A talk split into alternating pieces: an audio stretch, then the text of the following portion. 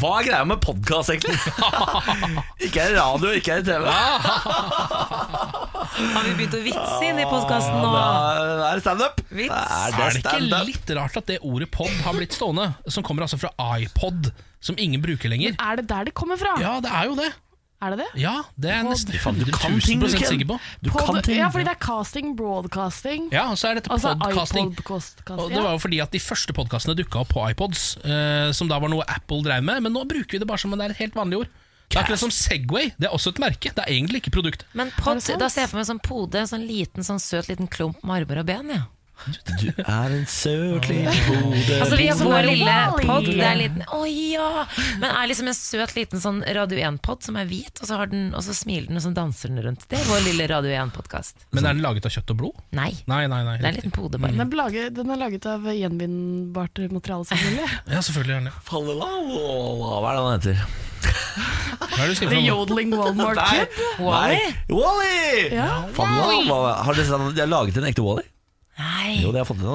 Så han blåser seg opp og ned sånn, så du kan kose på han, så går luften ut, og så uh, Jeg var faktisk en gang på uh, date på Wally, um, og da begynte jeg å blø neseblod etter 15 minutter. Og måtte gå på toalettet. Fra søtningsartist Ken Vasenus Nelson. Fikk ikke med meg noe av resten av filmen. Så jeg vet ikke hvordan den slutter. Dere, Velkommen til podkast skal dere være. Dere har i vente uh, Steinar Madsen om LSD. Ja, Det viser seg at LSD er det minst farlige du kan ta i kroppen, nærmest. Av Av rusmidler. rusmidler. av rusmidler, ja. Eh, I tillegg til det så blir det den beste slampoesien fra Lars Berrum noensinne. Det blir morgenquiz, det blir lokalavis, det blir frastøtningsartist Ken Vasenus Nilsen.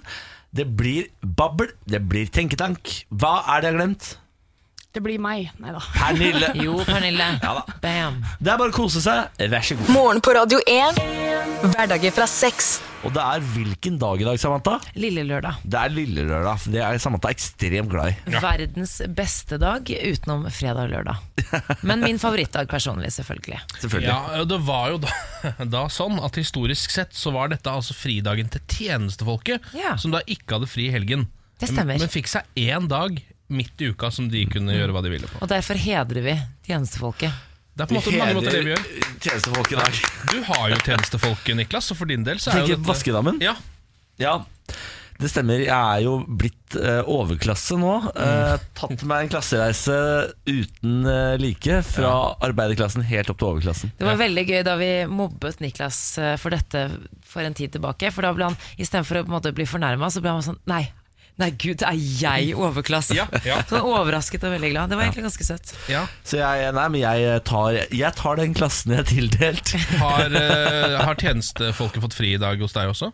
Uh, Eller opprettholder du fortsatt den tradisjonen, eller har du nei, hun uh, har fri på onsdager hos meg. Altså, det er Ja. torsdager som er hennes dag. Ja. Da skal hun jobbe. Da skal hun jobbe sabla hardt. Ja. Må jo kjeft. fortjene, til kjeft og pisk. må fortjene å få fri på en onsdag. Det er klart. Ja. Altså, du, du, Onsdagene kommer ikke gratis, som jeg pleier å fortelle henne. Nei, det er veldig bra. Er du streng på det? Har du noen gang klaget på streng. vaskinga hennes? Ja, det har jeg faktisk. Ja, det har du. Jeg, For Hver gang det er ferdig vasket, så får jeg et skjema hvor jeg skal godkjenne vasken. Ja. Eh, Og da må jeg trykke her fornøyd med dette, fornøyd med dette, ikke så fornøyd med dette. Bla, bla, bla. Og det var en gang hun hadde glemt å vaske eh, dusjgulvet. Da var jeg ikke fornøyd. Det forstår jeg, og det er jo et av de stedene man virkelig må vaske, for der er det jo utrolig skittent. Ja. Ja, Eventuelt utrolig rent. Ja, ja, det spørs litt hvordan man ser på det. Men det er når du bare, bare litt eh, mer om dette, for jeg vurderer å skaffe meg tjenestehjelp selv. Eller altså vaskehjelp. Du har lyst til å ta klassereisen, ja? Jeg har lyst til å ta, fullføre min klassereise, som Ja. jo er halvveis nå. Uh, I og med at jeg ikke bor i Moss lenger, men sitter her i hovedstaden. nede på Jernbanetorget og skrevler. fader. Em, så lurer jeg da på, når du sjekker vask Ja. eh, Gjør du da sånn som de gjorde i militæret, at du bare tar én hånd, og så sleiker du på den, så tar du den under senga og drar den halvannen sånn, ja. centimeter, og så hvis det er noe på den Mens hun står der og Ja. ser på? Ja. Nei, det gjør jeg ikke. Nei, nei, nei, nei. Jeg venter til hun har dratt, og så tar jeg meg en runde i leiligheten. Ser, ja vel, se her, ja. Mhm, jaha, ja. Eh, og så eh, tenker jeg, er jeg fornøyd med dette? Så går jeg på internett, finner denne mailen, Ja. eh, og så svarer jeg på den. Ja, ikke sant, det er sånn det foregår, ja. Ja. Eh, og som oftest er jeg veldig fornøyd. Det er ikke så vanskelig å ha med å gjøre, egentlig. Jeg er ganske medgjørlig. Hva med Ja. kjæresten din, da? Han er litt vanskelig Hun skal være glad for at det ikke er han som alltid godtar eh, Eller godkjenner denne vasken. Han er knallhard. Ja, det kan jeg Ja. tro. Jeg ser for meg Dere er litt sånn Downton Abbey-par hvor han er liksom den strenge familieoverhodemannen, og du er den litt snille kona. Eh, På- Som kommer Ja, men la nå Lucy få ta ferie. Nå har Lucy vaska. Helt ålreit hele uka. På torsdager så hører jeg bare døren smelle hardt igjen, og da vet jeg at nå har han kommet hjem. Nå er han her. Men, hører eh, bare Så sitter jeg og Bjarne og så rett i ryggen. Hører du bare han drar fram whiskykaraffelen. God morgen, hallo! Kan jeg- Kan jeg bare eh, ta opp en liten ting som vi snakket om for noen dager siden? Ja, Eh, Vi har jo en spalte som heter Parterapi. ja. Og i ukens spalte så var Benjamin frustrert over at du stjal hans godteri. ja. Ja. Eh, Da, ble, blir, det- da blir det slag. Da ble du frem med pisken. ja. Ja. Eh, nei, eh, og da sa Jeg snakket jo med Benjamin. Benjamin eh, og jeg har jo kontakt på mobiltelefonen veldig ofte. Og eh, Niklas eh, har en tendens til å krydre sannheten. Denne gangen så stemte det forsovet. Men så viser det seg at eh, altså Niklas skal ha stjålet et sjokoladeegg. Ja. Som da Benjamin sa at eh, var det siste han hadde igjen. Og Niklas sa nei, kjære, du har tre-fire igjen i skapet. Jeg Ja. så det. Ja. Men det Niklas ikke sa, var jo at eh, egget han tok, var av den siste sorten. Ja, med Oreo-fyll. Med Oreo-fyll. Men Han hadde ikke flere egg med Oreo-fyll. Det var en ærlig feil, Fordi de, de er i sånn lilla boks, Ja. og de er helt like, for han har tatt av ø, ompakningen. Så det er helt umulig å vite om det er Oreo eller hva det er for noe. Ja, men det er Bare som du innrømmer feil, men kan jeg spørre eh, Serverer du halvsannheter for å få rett av og til? Det er jo det, er det jeg gjør mest i livet. Ja, du gjør det. Men, men eh, Så du tok feil, du visste faktisk ikke at det var den siste med Nei, det visste jeg ikke. Ok, nei. Nei, det var en ærlig feil. Ja. Uh, så, og jeg mener jo fortsatt Hvis han har én med Oreo-fyll, men fire med vanlig fyll, da, da går det ikke an å bli sint og sur. Det går ikke an, det. Nei, men det er jo litt stor forskjell, da. Men eh, vi kan legge den eh, ballen død. Du er jo ha- lik han Ja, eh, i litt. godteri... Du er jo, Ja, litt. Dere er gærne. Fordi det er en feil dere har. Men er det Å bli bare meg, eller på er, det, folk. er alt fyll Oreo nå? Ja, Alt fyll i alle sjokolader og all is og er Oreo Er akkurat det nå. for mye Oreo nå, Jeg synes syns det. Ja, kanskje Ja, for du kan jo bare kjøpe Oreo hvis du har lyst på Oreo. Alt trenger ikke inneholde Er det. Oreo egentlig så godt? Ja, Ja, det jeg er det. det. det, er det. Ja, Ja, men er det, det er på en måte sånn Det smaker litt sjokolade og litt vanilje, er det ikke det det gjør? Ja, men ikke ta det så langt, Ken. Nei, Det fordi- ikke. Ja, men det er ikke det godt nok til å fylle alt med. Au, nå blir det vanskelig å forholde seg til det. Nei, jeg, jeg, jeg, Er du en Oreo-kritiker? Altså ni ja, minutter etter klokka ja, seks på akkurat som Egentlig all sånn kjekssjokolade. Sånn ballerina ja. også. Jeg syns det har gått for Å, langt. det er godt. Ja, det er det fikk jeg lyst på nå. Det er helt ålreit. Igjen snakker vi om eh, mat og godteri i denne Altså, Ken vil heller ha Mariekjeks enn Nei, jeg vil ikke ha noe kjeks. Jeg vil at kjeks skal utryddes. Der er jeg ganske hard. Safari. Få safari, safari? få safari ut. Jaffa-cakes, få det vekk. Her herre, herregud, se for deg oh, nå bare et lite frekt forslag her nå. Vaniljeis med knust safarikjeks oppi. Oh, Ja, ja, men det er sånn is, altså cookies and cream. Det er, det er jo Ja, ja, ja. noe cookie dough. Ja. Cookies and cream og cookie dough. Ah, fy faen. Men dere, Ja. fint vær i går. Ken, hva gjorde du? Jeg satt litt, og så gikk jeg inn. Eh, akkurat som jeg hadde tenkt å gjøre. Ja, nei, så jeg var først ute, og så inne. Ja, Kult. Veldig kult. Vi skal videre nå. Etter den eh, voldsomme historien der, så går vi videre. ja. Dette er morgen på Radio 1. Håvard har sendt oss en melding på Facebook, radio1.no. Happy days! For en sykt fin dag, sier han. Det har han allerede registrert, for det er lyst og fint, i hvert fall eh, i Oslo i dag. Jeg håper hele landet får pent vær. Var det ikke det du sa i Samantha? Samantha Jo, det blir lettskya og pent vær over hele landet. Tenk det. Altså, for en dag det skal bli. Ja. Og det Håvard sier at i dag skal det grilles. Eh, og Han sier hva med en aldri så liten flintsteik med litt potetgull? Det er da hans forslag. Ja, og så, men så lurer han også på Egentlig så prøver jeg å finne noe sunt å grille. Men fins det god og sunn grillmat? Er Kan spørsmålet fra Håvard. Ja. Squash. Man kan putte en squash på grillen. Blir man mett av det? Nei, muligens ikke. Men kjøtt og grønnsaker, hvis du lager så, Ok, Ja. Dette her er min fars uh, måte å grille sunt på. Mm. Du griller noe rent kjøtt, og så tar du masse grønnsaker i folie mm. med masse smør oppi. Ja, kanskje ikke smør, da, men ja, altså, olje da Olje oppi. Pakker du sammen folien, og så lar du det bare stå på grillen drita lenge til alt bare koker sammen. Ja, Det blir kjempegodt. Og det kan man jo også gjøre med fish. Eh, egentlig akkurat det samme. Så det er jo rimelig sunt, da. Det høres deilig ut. Med fisk Med fisk. Fisk, Ja, ja! Putte fisk oppi der istedenfor kjøtt, hvis man har lyst til å liksom, uh, gjøre det enda litt litt- Grillet fisk er godt. Grillet fisk er ganske godt. Skal det, er det tipset vårt? Ja. ja. Uh, all right, nå skal det handle om uh, en bankraner som er kanskje litt for opptatt av å komme seg rett opp på hesten igjen. Ja, som det heter. Eh, Dette her er Markiko Sonny Lewis. Han er, eh, holder til i Cleveland i Ohio i USA. Um, og I april 2016 så ble han da satt inn eh, for å ha rana Cleveland Key Bank, en eh, bank i Cleveland, eh, og fikk seg da et par års fengsel. Nei, nei, nei. Og så spoler vi da fram til april i år. Da blir han sluppet løs igjen. Eh, det var den eh, 11. april han ble sluppet løs. Dagen etter min bursdag, bare nevner det. 10. april er min bursdag. Ikke sant? Er dagen, Kan, er det mulig? Hæ? er det mulig? etter, for å si det på en mer korrekt måte, dagen etter Bårlis bursdag blir han sluppet fri eh, fra fengsel. Og så går det én dag, fordi 12. april så raner han akkurat den samme banken Nei, nei, nei. som han blir satt inn på, og blir satt inn på nytt, gitt. Da lurer jeg på Er du veldig glad i å sitte inne? Det må du være, da. Det er nesten det jeg også tenker. Det er jo veldig mange som, eh, når de har sonet lange dommer, ikke helt takler livet utenfor igjen. Ja, Jeg gjetter på at han må, må være en av de. Ja, det kan Ellers hende. er han bare fullstendig idiot. Ja, eller så kan det hende at han på en måte har sittet da og øh, For det er, jeg ser for meg at man får mye tid til å tenke når man sitter i fengsel. Jeg ser for meg at man liksom sitter og lager den der hevnplanen sin for det man ikke fikk til, eller liksom det Ja, som gjør at man sitter der inne. Så er det sånn Nå skal jeg fanken meg naile det. Jeg skal gjøre det med en gang. Med en gang jeg kommer ut igjen. Nå har jeg planen. Jeg bare gjør dette og dette og dette. Men det gikk jo tydeligvis ikke, gikk jo ikke bra, nei. etter planen. Nei. Man må bare slutte å rane banker. Har du noen hørt om noen som vellykket har ranet en bank? Det er ikke mange, det. ass Det er veldig, veldig få. Ja, det Ja, men det det, er jo en grunn til at vi ikke har hørt om de da, hvis de har gjort det vellykket. ja, men Du har jo hørt om ranet ofte. da. Sånn Ja. som helikopterranet i Sverige. Ja, ikke Det er vel sant? det eneste jeg kan komme på. Ja, det og så tror jeg det er et sånn legendarisk ja, japansk ran, eh, som, hvor de Ja. fikk med seg helt maks med penger. Ja, Eh, som ingen vet hvem som gjorde, men det, men det er veldig sjelden det går. Altså. Ja, det, er veldig, det er sikkert Yakuza-mafiaen som ah. har- gjennomførte det de Japan-greiene. ja. Jeg har altså vært så storbygget. Jeg får Innimellom så får jeg følelsen Nå har jeg nettopp flytta til Oslo, for de som ikke vet det. Eh, Og innimellom så får jeg følelsen at nå er jeg, nå er jeg urban type. Nå bor jeg i storbyen, nå er jeg en del av maskineriet. I går tok jeg bysykkelen fra der jeg bor, ned til Aker Brygge. Og tenkte sånn, fy faen, nå er du rå, ass. Jeg så meg selv utenfra og tenkte fy faen, du er så rå type.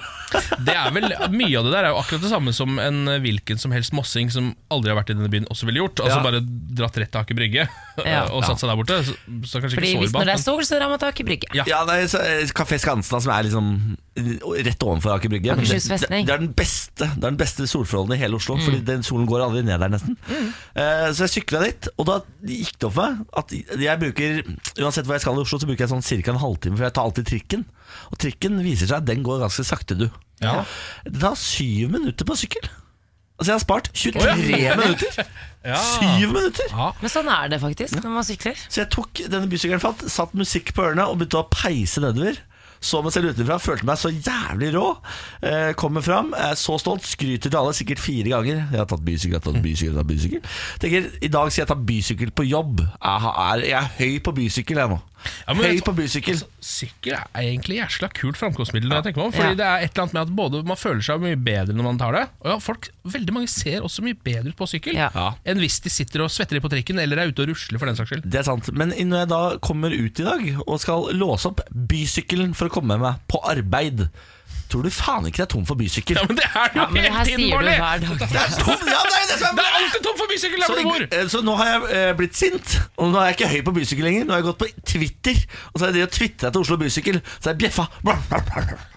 Ja. Får jeg svar? Nei. Får Men svar? det er bra svar. at du bjeffer, for det man, man, hvis du skal klage om det her hver dag, så må du faktisk gjøre noe med det. Jeg har gjort noe med det. Ja, men det er veldig bra. Ta- ta bilde av Ja. sykkelstativene i eh, nærheten. Da er det jeg vil si, rundt 20 sykkelstativ du ser på kartet. Alle er tomme. Det er faen ikke godt Håper du nok. får svar, Niklas. Det håper jeg. Ja. Donald Trump gambler høyt. Trump eh, trakk USA ut av Iran-avtalen i går. En avtale som ble gjort i 2015 av eh, president Obama, USA og flere av landets allierte om at Iran skulle begrense sitt atomprogram, mot at eh, de fikk en rekke økonomiske sanksjoner mot landet opphevet. Mm. Dette har vært et av Trumps valgløfter lenge, har kalt det tidenes dårligste avtale. For han mener at avtalen ikke har vært streng nok mot Iran, de har fortsatt tjent masse penger, og at de ikke er i stand til å beskytte USA, denne avtalen. Eh, Og et av problemene er at eh, avtalen bare varer i ti år. Men eh, nå sier jo de aller fleste, og USAs allierte, om at det her er kjempefarlig, og at presidenten nå tar en farlig sjanse. Norge beklager seg for at USA trekker seg fra Iran-avtalen osv. osv. Eh, vi kan jo høre hva Trump sa i sin tordentale i går. The Iran deal is defective at its core. If we do nothing, we know exactly what will happen. In just a short period of time, the world's leading state sponsor of terror will be on the cusp of acquiring the world's most dangerous weapons. Ja, altså, jeg tenker litt sånn eh, Mot sin hensikt, at han kaller de for farlige og, at, og vi, liksom, alt det her, men du fyrer jo bare opp under noe, for den eh, avtalen var jo eh, liksom til, Skulle jo skape fred. Ja. Nå føler jeg at han bare terger Ja. litt. ja, nå har han på en måte Nå begynner han å nærme seg um, en sånn atomavtale som går den rette veien. Så da føler han sikkert at da må en gå feil vei. Så at Ja. han kan opprettholde Ja, men han, må, han er jo faktisk Det her høres jo litt konspiratorisk ut. Men hvis det er noen som er avhengig av å opprettholde et visst sånn trusselbilde i verden, så er det Donald Trump. Ja. Fordi med et helt trygt USA og verden, i hvert fall så hvis de får inntrykk av det, så er det aldri noen som kommer til å stemme på den mannen igjen. ja, det er veldig sant. Ja, men det er jo det. Ja, men Tenk deg om han er mannen som ordner verdensfred. Da. Han, hadde, altså, han hadde jo bare gitt en eh, finger til alle kritikerne sine verden over. Det hadde vært helt nydelig om han klarte å få til det. Ja, selvfølgelig. Vi får se, da. Ja, vi får se Oljeprisen stiger, det er bra for Norge. Så vi kan ha, det er Ah, Norge! Norge! Norge! Økonomisk bra for freden, vet ikke. Ja, nei, men Norge tjener på dette foreløpig. Ja, ja, ja. Det er bra. Foreløpig. Foreløpig. Morgen på Radio 1. Nå lurer jeg på, kan vi nedlegge noen regler for hva slags musikk det er lov å spille på balkong og i park osv.? Altså Ja. når man skal spille musikk som også andre blir nødt til å ta til seg. Ja, dette er litt interessant, for jeg hadde nemlig et dilemma her om dagen hvor jeg satt på balkong Ja. i en bakgård, i en bygård, masse andre balkonger, og så spilte jeg radio, og så tenkte jeg har jeg egentlig lov til dette? Ja, ikke sant? Fordi jeg også satt jo i går på min balkon. eh, for Det var jo en veldig spennende dag for meg. Først så satt jeg ute, og så gikk jeg inn. eh, Som jeg pleier- ofte pleier å gjøre. Um, Og da eh, tenkte jeg også på Det var noen som spilte radio ved siden av meg, eh, og da ble jeg litt sånn Ok, fordi jeg tror de spilte P4. Å ja, sier du det? Ja, eh, Og det liker jo egentlig ikke jeg, så Nei. jeg hadde jo lyst til å rope bort til dem Hei, eh, gjør noe med det. Eh, Men så begynte de å switche over, og da satte de på Jokke. Ja, Jokke og Valentinerne. Ja. det er lov for deg. Jeg, nei, jeg kjente at det har jeg litt problemer med. Oh, Fordi ja. da, fikk jeg litt sånn, da følte jeg at jeg var på fadderuka i 2001. Ja. For eksempel. Følte du deg gammel? Jeg, nei, eller jeg, jeg, jeg, jeg følte meg malplassert, Ja, hvis du skjønner hva jeg mener. Så det er noen, noen sånn type altså sånn, Også Skrillex og dubstep og sånn har jeg litt problemer med. For det høres, ja, det går ikke. nei, det høres oss- litt som veiarbeid. Ja. La oss aldri glemme perioden verden skulle digge dubstep. Ja. Det var en eh, periode. Det var en interessant periode i verden, du. Mm. Men, okay, men hva, når det kommer til volum, da? Altså, hvor høyt er det lov å spille? Ja, nei, altså, Kan, kan, man, kan det ljome i bakgården? Jeg syns det kan ljome hvis det er noen Sånn som hvis det er eh, musikk helt fram til sånn midt på 80-tallet en gang, kanskje. Ja. Så synes jeg, fordi da, da er det noe, en slags sånn historisk kulturarv som alle, eh, eller mange har hørt. Ja. ja, Er det ikke litt hyggelig òg, da? Jo, jeg synes det er litt hyggelig, det er en sånn retrofølelse. Og hvis det er en artist som nettopp har dødd. Sånn som nå syns jeg Avicii kan ljome. Det okay. gjør ikke noe for meg, men det, men det må være en begrensa periode. ja, nettopp. For nå er det sorgperiode, sorgprosess. Ja. Jeg, eh, jeg endte opp med å skru av min radio fordi jeg følte jeg forstyrra naboene. Ja, ikke sant? Eh, samtidig som jo da hele bakgården på en måte dør. Jeg Når du skrur av lyden? Når jeg skrur av lyden. Ja. Så um, det er en vanskelig avgjørelse der. Jeg velger å gå for at man må nesten få lov ja, til å ha det gående. Og da får man Ja. heller kjøre lydkrig. Ja, for det er jo nesten det verste som kan skje. Ja, er tenker det? at det er lyd, at det Men blir kan man ikke, jeg tenker, jeg tenker sånn, Spill hva du vil, og har man et problem, så kan man jo også bare spørre Hei, kan du være så snill å skru ned litt, for du spiller helt forferdelig musikk. Ja, eller kan du være så snill å sette på noe annet, Ja. eh, og så Ja. skru det opp. Ja. Som er en litt, litt, litt Ja, coolere litt måte. hyggeligere måte å gjøre det på. Ja. Dere, vi må snakke litt om Eurovision Song Contest. Oh my god. I går var det første eh, semifinale. Eh, da skulle noen ryke ut, mens andre skulle videre til hovedfinalen, som jo er på lørdag. Ja. Vi gleder oss, gjør vi ikke det? Jo, jo, jo, jo. Ja, Alexander Rybak klatrer fortsatt på oddsen. Så nå er han snart eh, helt der oppe, altså på førsteplassen på oddstippinga. På hovedfinalen, ikke bare semifinalen. Ja, var, han, med- var han i aksjon i går? Nei, det er Nei. torsdag. Så vi vet fortsatt ikke om eh, Rybak er liksom klar for finalen, men i går så kunne vi se at Island floppa i Eurovision Nei. Song Contest. Dere. Ari Olafsson røk dessverre ut, og det er fjerde året på rad altså at uh, Island ikke kommer videre. Uh, derimot kom Finland endelig videre etter å ha hatt tre strake ut i Eurovision Song Contest. Ja, men de har vel uh, surfa på en bølge av Lordi. Uh, nå i mange mange år, har de ikke det? da? Hard Rock Hallelujah, tenker du på? Å, Ja. fy fader. Jeg For har det var finsk, det, var det ikke? Jo da, Ja. og jeg har sett de live. Hard Rock Hallelujah har jeg sett live. Eh, og det var altså så knallbra. Men i går så var altså Island sin tur, eh, og de floppa ut selv om de hadde en pen, ung syngemann. Det gikk ikke. Finske eh, Sara Alto kom videre. Gratulerer til Finland. Ja, ja, ja. Bu-bu for Island. Andre som kommer videre, tar eh, listen raskt. Østerrike, Estland, Kypros, Litauen, Israel, Tsjekkia, Bulgaria, Albania, Finland og Irland kom seg videre. altså Og skal stå på scenen på lørdag! Da er det altså en eh, ny runde, og da er det bare å finne fram eh, skjema, boaen og glasset, for da skal det være champagne. Det der er også Det er verdens rareste konkurranse. Ja, jeg, ja, jeg skjønner veldig godt hva du måte. mener. Ja. Det er liksom at hele Europa skal samle seg om Ja. å lage l- poplåter. Det Ja. er liksom så Ja, men Også, altså, også de, spesielle typer. Det er jo Ja, ja. en egen sjanger. de bygger broer på, t på k- kryss og tvers av landegrenser og konflikter. Jeg Det skulle ønske- finnes ikke konflikt i Eurovision Song Contest, Ken. Jeg skulle ønske at det var et VM for dette òg, at vi kunne få inn ting fra Latin-Amerika og altså samle hele Sånn er verden. ikke bare eh, euro. Men vi tar jo åpne stadig Australia er jo med. Ja, stemmer det. Det er veldig rart. Ja, men Det er fordi de er så fans av Eurovision Song Contest. Så når det var, ehm, når det var eh, jubileum, Eurovision hadde et slags jubileum, så åpna man for Australia, og så har man bare for, latt de få lov til å være der. Ja. Israel er jo med. Ja, det er samme De er liksom grense De er også med i sånn fotball-EM og sånn kan være, tror jeg. Er de det? Jeg tror de er i kvalif- Sier de det? ja, ja. Yes, sann. Dere, vil snakke litt om flyetikette. Jeg skal jo snart eh, ut og fly. Har eh, relativt høy grad av flyskrekk. Ja, Ikke sånn helt ja, helt krise, men mm. den har blitt eh, verre med årene. Så kom jeg over en artikkel 15 ting du aldri skal gjøre når du flyr. Eh, og dette handler egentlig bare om hvordan man skal oppføre seg som en vanlig passasjer. Eh, ja, ut av respekt, da, kan du si. Men jeg, sånne ting her er litt sånn viktig for meg, for når jeg er ute og flyr, så er jeg så Altså, nervene er så Ja, jeg er høysensitiv, da, kan du si. Så en, Ja. en liten bevegelse, feil bevegelse, fra mine medpassasjerer kan gjøre at jeg får litt eh, smålig panikk. Eh, bruker dere begge armlenene når dere flyr? Hvis jeg sitter i midten, for da er det mine armlener. Ja. Eh, Du må aldri bruke begge armlenene. Det er kanskje komfortabelt, men du må respektere medpassasjerenes intimsoner. Er ikke det, er ikke det litt sånn der- Jeg liker når folk spør sånn Hei, kan jeg putte armen min her?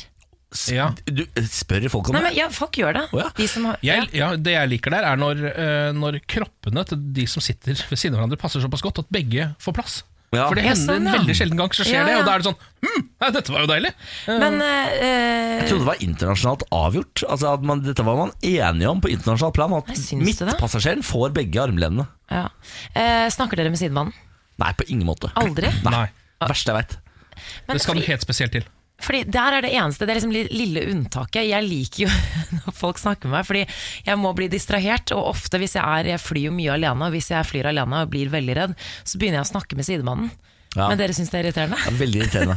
Ja, Vær så snill. Nei, men jeg synes det, er, altså, det er greit å føle seg litt fram med et enkelt spørsmål, men ikke Ja. være pågående, tenker jeg. Ja. Eh, altså Du kan ja, ta en liten sånn, og hvis du får respons, det er, så er det bare å fortsette. Ja. Jeg føler Da har du situasjonen som en taxisjåfør har hver eneste dag. Ja, jeg skjønner. En Hva- siste ting. Legger dere ned setene helt ned når dere Aldri. flyr? Jeg Nei. rører aldri Jeg lar setet seteryggen. stå oppreist hele veien. Vet du, dere har god flyetikette. Takk for det. takk for det Uh, Men la oss være enige om at midtsetet får armlenen. da Det kan, altså Midtsetet. Har så dårlig kort på hånda at det kan godt få armlenet for min del. Bra, da er vi enige om det. Morgen på Radio 1. Hverdager fra seks. Eh, Vi har en stund snakket litt om eh, norske partiers eh, kamp for å legalisere ting. Ja. For eksempel så har Høyre nå bestemt seg for å avkriminalisere. Det er vel også Arbeiderpartiet. Flere og flere norske partier har bestemt seg for å avkriminalisere narkotikabruk. Mm. at du kan, eh, Hvis du blir tatt for narkotika, eh, har narkotika på deg, så skal du ikke bli straffa, men du skal få hjelp, f.eks. Ja. Um, ungdomspartiet til Miljøpartiet De Grønne, sammen med Rasmus Hansson, de vil vel legalisere alt. Eh, Veldig mye, i hvert fall. Jeg tror det vil legalisere alt, og ut ifra hvor helseskadelig det er, så vil det gjøre det Ja. vanskelig å få tak i det. Eksempel alkohol skal det gjøre kjempevanskelig å få tak i. LSD skal det gjøre kjempelett å få tak i. Eh, unge Høyre er vel også på en slags legaliseringsbølge her med cannabis. Mm. Den er det vel flere som følger. Unge Venstre f.eks. Ungdomspartiene er veldig positive til dette. Eh, USA har jo allerede satt i gang en slags bølge, der flere og flere stater legaliserer også for vanlig bruk, ikke bare medisinsk bruk, men sånn kosebruk. Colorado f.eks. Washington tror jeg har gjort det. Og så er det jo på en måte sånn at eh, altså Cannabis eh, og også heroin hører man jo ganske mye om. Man vet ganske mye om det, men det er et sånn rusmiddel som vi, jeg i hvert fall kjenner at jeg vet altfor litt om. det Det er akkurat det. Eh, og for å prøve å finne ut litt om dette greiene her, så har vi hentet inn en mann som kan absolutt alt. Fasiten, leksikonet. Steinar Madsen fra Legemiddelverket, god morgen. God morgen. Eh, ja, da kan vi jo egentlig bare starte. eh, er, for det første, er alt jeg sa nå rett? Eh, ja, Ja, ish. Ish. Er det en legaliseringsbølge som går over verden over? Ja, det må man vel si, og det gjelder jo først og fremst hasj. da. Eh, Og kan du si det, det store så å si, gjennombruddet er nok at det ble legalisert i California. For hva kommer det til å medføre? Nemlig at Hollywood-filmene kommer til å bli fulle av hasjbrukere fremover. Ja. Ja. Ikke sant? Så den kulturen kommer nå til å spre seg ut over hele verden. Så det, så det at California legaliserte det, det er, det, det er liksom vendepunktet, tror jeg. Ja. Ok, Men tror du Norge på noe som helst tidspunkt kommer til å følge etter? Det er vanskelig å si, vi er jo konservative på dette området i Norge, eh, så jeg tror nok det tar lang tid, men, men eh, eh, det første som eventuelt kunne komme til å skje i Norge, det er vel at man legaliserer hasj. Ja, ikke sant? Ja. Vi skal etter hvert over på LSD, fordi vi hadde en eh, samtale med Sofie Elise blant annet i forrige uke. eh, Og det er jo dette også Miljøpartiet De Grønne, i hvert fall ungdomspartiet, sammen med Rasmus Hansson, har lyst til å legalisere i Norge. Men før det, hvis vi skal prøve å ta tankespinn, Steinar. Vi nullstiller ruspolitikken i Norge og verden. Hva er det vi hadde fjerna som er lov i dag, og hva er det vi hadde liksom latt folk gyve løs på? Ja, Det er et interessant spørsmål. Det, det som er helt klart er at si, Alle vitenskapelige undersøkelser sånn som vi har, viser jo at alkohol er det farligste. Det er det som gjør mest skade både for deg selv og for andre i samfunnet. Så Hvis man skal begynne, så skal man ta bort alkoholen. Det vi drikker mest av, Det det vi drikke drikker mest av. mest av. Og, og, og det er jo det at mange har et veldig skjevt bilde av hva som er farlig og ikke farlig alkohol. Ja, det snakker man liksom positivt om, og du skal øke skjenketider, så å si alt sammen. Eh, alkohol er det mest skadelige av dem alle. Og så under det så kommer sannsynligvis heroin. Det er under, altså, ja. Heroin er under alkohol. Ja, Men er det bare fordi vi drikker så forbaska mye alkohol? det er fordi, blant annet fordi vi drikker mm, veldig mye alkohol. Så Hvis du ser på skadene i samfunnet, så kommer alkohol, så kommer heroin, så kommer kokain, og så går det nedover, så et stykke nede så kommer hasj, og så helt på bånn så kommer LSD. Og så videre. LSD, ja. Ja. Dette eh, syren som eh, man har hørt om i alle år. Hvis man tar en lapp med syre, så blir man koko. Ja, du får i hvert fall mange rare følelser og, og ser mange rare syn, det er helt sikkert. Men uh, om det blir koko, det går jo over. Uh, og, og LSD har jo en veldig lang og interessant historie. Vi skal jo kanskje gå helt tilbake og si litt om hvordan det ble oppdaget. da. Eh, fordi det var en tysk kjemiker som het Albert Hoffmann. Han jobbet i legemiddelfirmaet Sandoz og drev på laboratoriet sitt i 1938 og forsket på legemidler som kunne brukes ja, mot migrene og psykiske lidelser osv. Så, videre. så laget han da LSD. Eh, Men det kom aldri noe ut av det, eh, og det ble bare lagt til side. Men så av en eller annen grunn, så i 1943, da, fem år senere, så tenkte Hoffmann at det, det var jo noe interessant ved denne her LSD-en. Altså, han gikk tilbake på laboratoriet sitt, og så laget han en dash eh, da, med dette her. Og så, eh, den dagen han laget dette her, da han var på vei hjem fra kontoret, så begynte han å føle seg litt rar. For han hadde tydeligvis fått noe på fingrene, eller fått i seg mens han drev og laget det. Eh, Så, så dette var interessant. Og så tenkte jeg at ja, jeg får gjøre en test. Dagen etter så går han tilbake på laboratoriet, så tar han en liten klipp av dette greiene. Og så viste det seg at det var en forholdsvis stor klype, da. mer enn det man bruker i dag når man skal ruse seg på det. Atskillig mer. Eh, Og fikk jo da århundrets tripp, altså. Ja. Så den første trippen var den beste. Ja, Aldri noen som har trippet så jo, jo da, det, det er nok kanskje det. Fordi det, det har jo vært noen tilfeller hvor folk har tatt feil av LSD og andre stoffer og tatt Ja. kjempedoser og blitt kommet Ja. helt ut å kjøre. Men i hvert fall Hoffmann har jo da selv skrevet en bok om dette her. Denne opplevelsen, Om hvordan verden forandret seg, farvene forandret seg, alt begynte å pulsere, eh, lyset fikk en merkelig tone osv. Og, så og han ble, helt, eh, ble fulgt hjem da en av assistentene sine og lå på benken, og de tilkalte lege, og legen sa at jeg tror du får bare får ligge stille til dette går over. Og det var jo livsfarlig, for en del av disse stoffene er jo virkelig farlige. Så at det gikk bra med Hoffmann, det kan du være glad for. Og så var det et par av kollegene hans som prøvde det dagen etter, og de fikk akkurat det samme. Ja, Og så var det, og så begynte jo ryktene å gå. Da, Og så var LSD skapt. eh, LSD var skapt. Og LSD er altså nederst på denne rangstigen over farlige rusmidler. Vi skal ta en lang runde om LSD eh, etter nyhetene. Først skal vi ha Justin Bieber, og så nyheter her på radioen. Og så skal du få vite alt du trenger å vite om LSD. Og hvis du har noen spørsmål om LSD, så sender du det inn til oss. Radio1.no på Facebook. Nå skal vi ta en sånn eh, faktasjekk, rett og slett. Alt du trenger å vite, eller ikke vite, om LSD. Morgen på Radio 1. Hverdager fra sex. Vi har Steinar Madsen fra Legemiddelverket på besøk. God morgen, Steinar. God morgen, god morgen. Vi snakker om eh, egentlig legalisering, har vi hatt en prat om. Fordi det er jo en slags legaliseringsbølge verden over. I hovedsak cannabis. Men så kom vi inn på noe interessant, fordi vi prøvde å sette opp eh, rusmidler fra mest skadelige til minst skadelige. Eh, og nederst på den lista finner vi altså LSD. Syre. Lapper. Det man har hørt og sett hele livet skal være livsfarlig. Tar man dette, skal man havne i en evig sirkel Ja, av sine ja, ja. egne elefanter som er rosa, grønne og blå. Psykedeliske droger og ride the snake. Yes! Eh, Derfor tenkte vi å ha litt eh, faktasjekk rundt LSD i dag. Derfor er du her, Steinar. Eh, vi har allerede snakket om hvordan LSD ble funnet opp. Det var, Hva er det han het for noe? Albert Hoffmann heter. Som eh, ved en feil gjorde dette i laboratoriet sitt og syntes det var gøy. Eh, På 30-tallet. på 30-tallet. Eh, hvorfor syns vi LSD er så skummelt? Ja, det er fordi det er veldig mange myter knyttet til eh, LSD. Og, og det begynte jo da først så Hoffmann, da, som prøvde dette på seg selv i 1943, og fikk da tidenes eh, tripp. Og så kom det etter hvert litt i bruk, sånn på 40-tallet og 50-tallet. Og så dukket det opp da hippiebevegelsen kom på midten av 60-tallet. Da begynte man med sånne syreselskaper, annet i San Francisco. Og en av de som sto bak disse syreselskapene, det var jo Ken Kesey, som mange vil huske som forfatteren bak 'Gjøkeredet', denne kritiske filmen om Kokosnest? Yes, Ja. den filmen som da kritiserte det psy psykiatriske helsevesenet, kan du si. Eh, Så, og dette ble, gikk jo da over i hippiebevegelsen, så var det Vietnamkrigen, og så begynte jo myndighetene, særlig i USA, da å se veldig skeptisk på dette. Det, ikke sant? Disse menneskene var jo oppviglere, det var alternative mennesker, de truet samfunnsordenen osv., så, videre, og så, videre, så da måtte man gjøre noe.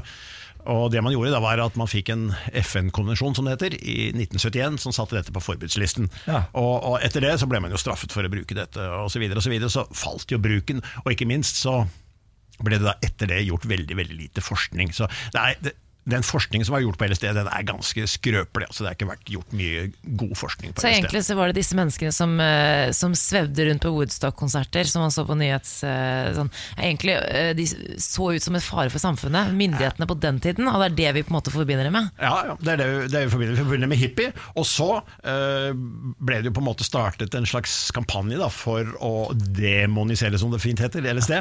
Og demoniseringen i Norge, Ja. den kom jo med en film i 1969. Som het 'Himmel og helvete'. Den som spilte hovedrollen, var for øvrig Lillebjørn Nilsen. Lillebjørn Nilsen er grunnen til at norske menn og kvinner er livredde for LSD. Ja, til en viss grad.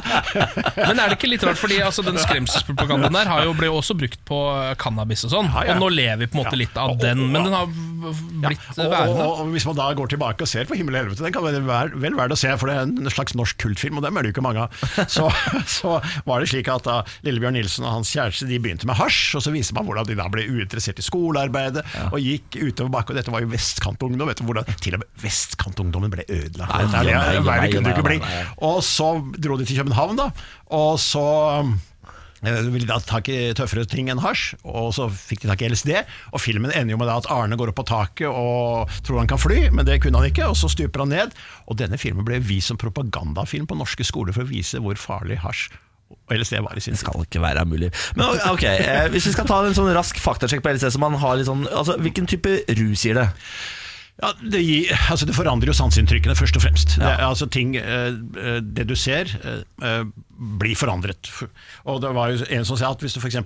går i grønnsakdisken i, på Superen med LSD i blodet, så får du en opplevelse du sjelden har sett maken til. altså, fargene blir bare helt fantastiske. Det, det, det pulserer, det bobler, det Det lever. det lever, ikke sant? Altså ja. og, og, og så er det jo da noen som får eh, angst og litt sånn, det er jo liksom den skyggesiden av dette her da, men først og fremst at sanseinntrykkene endres. Og da, for, da, når, for der sier du noe interessant. Man kan få angst og sånn, for det har vel noen negative sider, dette? Ja da, altså, for å si det sånn, det finnes ingen rusmidler som er fri for mer eller mindre alvorlige bivirkninger. Altså, det skal man være klar over, det er ingen rus som er bra som bare bra, for å si sånn. Det er det absolutt ikke. Og faren ved dette her er jo at du kan For det første kan du bli kvalm og uvel og slutte å spise, og du får høyt blodtrykk og hjerterytmeforstyrrelser.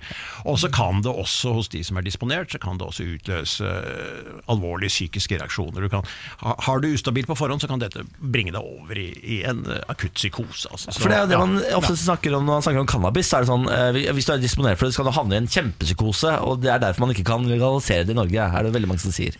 Ja, eh, men nå er jo eh, Igjen så er det da slik at det stoffet som gir flest psykoser, det er jo alkohol. Det er alkohol, ja. ja. Alkohol har akkurat den samme effekten. At hvis du har psykiske problemer og begynner å drikke, så kan det jo bli langt uh, verre. Men hva med den direkte dødeligheten? da? Fordi sånn Alkohol har jo en ganske høy dødelighet, eh, og samme med heroin og mye sånn amfetamin og sånne ting. Men hvordan er LSD på det? Ja, Det er beskrevet få eller ingen direkte overdosedødsfall, for det det vi forbinder med bl.a. heroin. selvfølgelig, Det er jo overdosedødsfall og andre eh, morfinlignende stoffer. Eh, det er det veldig få tilfeller av om i det hele tatt noen. når Det gjelder direkte overdose. Men det er jo en rekke tilfeller av folk som har eh, kollidert, f.eks. Fordi du skal ikke kjøre bil når du har tatt LSD. Altså, det, det er, du får en rus, og, og oppmerksomheten blir redusert. Så det har skjedd ulykker, og du har folk som har tatt livet av seg i LSD-rus osv. Hvis eh, barnet ditt hadde kommet hjem til deg Steinar, og sagt 'pappa, jeg har begynt å drikke', eller 'pappa, jeg har begynt på LSD', når hadde du blitt mest bekymra? Jeg hadde blitt bekymret for begge deler, for jeg er generelt sett veldig skeptisk til rus. Jeg, jeg liker ikke rus egentlig i det hele tatt, så jeg hadde nok sagt at du eh, Men, men ikke sant, alkohol det er jo blitt en så intim del av, av, av det norske samfunnet at det er det jo veldig vanskelig å, å, å stanse, kan du si. Så, sånn sett så hadde jeg definitivt sagt at ok, hold deg unna LSD-en fordi det er forbudt. Det, på en måte Blir du oppdaget, så har du ødelagt livet ditt, du får ikke studere i USA osv. Så, så, Ja, sånn, ja. så, så alkoholen, ikke sant? der er liksom ingen restriksjoner. Du kan drikke og, osv. så videre. Samfunnet støtter du? Altså, kom igjen! Samfunnet støtter alkoholen. Drikke, drikke, drikke. Ja, ja, rett og slett. Det, Skal jeg ta et lite spørsmål? Ta spørsmål, ja. Det er kommet en spørsmål fra Geir her. Jeg er et kreativt yrke og lurer på om LSD kan hjelpe meg å bli mer kreativ og åpen for nye ideer. Ja, Det var jo noe av den teorien som han hadde i sin tid. og Det, det ordet psykedelisk kommer av, nemlig at det skulle være sinnsåpne, du skulle kontakt med de dyp, dype dybdene i, i sinnet ditt. Forskningen på dette er ikke spesielt god, men det har jo vært veldig mange kreative mennesker som har brukt LSD. Altså Hvis du ser på historien Ja, ja, ja. Hvis dere f.eks. at Steve Jobs brukte Gjorde han det? Ja, så, Det Kanskje var det på. derfor han fant opp, uh, Ikke fant opp sant? iPhone. Ikke sant? fader. Ja, ja, ja. Du kan bli mangemilliardær hvis du det, eh, bruker LSD. det, det sies også at Bill Gates har brukt det. ikke ja sant? vel, ja. Også på. Tørrpinnen Bill Gates. Fy faen. Vi må dessverre runde av, Steinar Madsen, men dette her var svært oppklarende og opplysende. Tusen takk for besøket. Bare hyggelig. Morgen på Radio 1. Har du litt for lite tid til å se på fotballkamper, spille Fifa eller være ute og jazze med gutta? Ja, da er det bare å følge med nå, eh, for nå er det frastøtningsleksjon ved meg, frastøtningsartist Ken Vasenius Nilsen. Da jeg eh, oppdaget sjekkeartistkulturen og boka The Game, husker dere den? Skrevet av Neil Strauss, Rolling Stone-journalisten, så skjønte jeg at her er det penger å tjene for min egen del. Fordi det å lære opp eh, menn til å sjekke eh, opp kvinner, det er jo helt bortkasta. Old news. Det er ingen som trenger det kurset. eh, Fordi dette går av seg selv. Eh, Det er naturen som fikser dette. Eh, Så i dag så er det en ny leksjon. Vi kjører i gang. Hele veien fra Moss i Østfold. Ta han vel imot. Frastøtningsartist Ken Vasenius Nilsen! Ja, tusen takk for det, tusen takk for det. I dag ja, Kan jeg få litt stillhet i salen? Veldig fort. Takk. I dag skal vi lære om pussing, eh, som er eh, på en måte en slags avart av negging. Eh, Ja. altså Pussing er da kunsten å gi komplimenter av frastøtende eh, slag. Ja. Fordi negging altså er jo da Har dere hørt om negging? Nei. Nei, Negging er noe sjekkeartistene er veldig opptatt av. Det betyr at man Altså Et negg er noe man skal lire av seg i møte da med en jente, helst litt tidlig i samtalen. En linje som skal gjøre jenta usikker, senke selvtilliten hennes og gjøre det sånn at sjekkeren på en måte har overtaket. Så for eksempel Herregud, så stort mellomrom du har mellom tennene, Samantha. Nettopp. Ja, Men så pleier man ofte å pakke det inn i et slags kompliment, så det ikke Ja. er så, øh, så tydelig. Så man sier f.eks. sånn Du har veldig fine tenner, men har du drukket kaffe i dag? For de er litt brune. Ah, Skjønner? Så er det liksom sånn, sånn, og så tenker du faen, hva er dette for noe? Nå blir jeg veldig usikker og rar. Men alt dette her er jo bortkastet kunnskap, som vi har vært inne på. All den tid eh, altså hormoner, lukter, drifter og sykluser fikser dette for deg. Sannsynligvis. Jaha. At mann og kvinne skal til slutt ligne hverandre og føre eh, menneskerasen videre.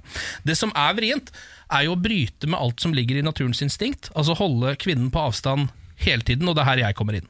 Eh, Et puss, eh, som vi skal snakke om i dag, er egentlig bare et helt massivt kompliment av ærligste sort. Um, og merkelig nok, dette har jeg egentlig aldri helt forstått, men så liker ikke kvinner dette. Oh, ja. De liker ikke å få komplimenter. Uh, I hvert fall ikke av heterofile menn. Jeg tror de syns det er ålreit fra homofile og fra andre kvinner. Ja. Så vidt jeg har skjønt, men ikke fra menn. Um, så hvis man f.eks. tidlig i samtalen, og, altså nesten med en gang Først så er det sånn 'hei, Ken', 'hei, Samantha', sier du da, f.eks. eksempel Og så går jeg rett på 'faen, jævlig deilig'. Ja. ja, det er fælt. Og så kan jeg følge opp med 'å, du har så vakre øyne'. Og det er så jævlig du har, Fy faen, i morsom! Morsom figur. Ja. Smart! Jævla smart! Eh, og så er det også Det er bare noe jeg krydrer med selv, men hvis man legger på noen litt sånn derre gutturale macholyder Ja, ja. Du hva, Det, der, det der funker, for det er faktisk helt grusomt. Ja, Den brumminga da er du kjenner, mm. Å, Får liksom bare lyst til å Ikke sant? Så du trenger ikke å fullføre ordet setningen engang. Nei, bare grynte litt. Bare grynte litt og Ja. si ah, sex. Og så bare si sånne små ting som det. Jeg vil ha Sex. sex med deg.